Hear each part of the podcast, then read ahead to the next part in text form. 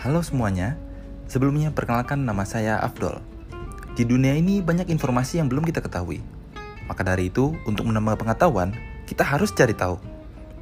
Ah, selepas itu, saya nak cakap suatu hal yang berbeza dengan kau orang tahu selama ni tau. Kau nak tahu apa itu? Aku kena tunggulah. Cause because every information is valuable. So we have to appreciate it. So, what do you think? Which three language should I use?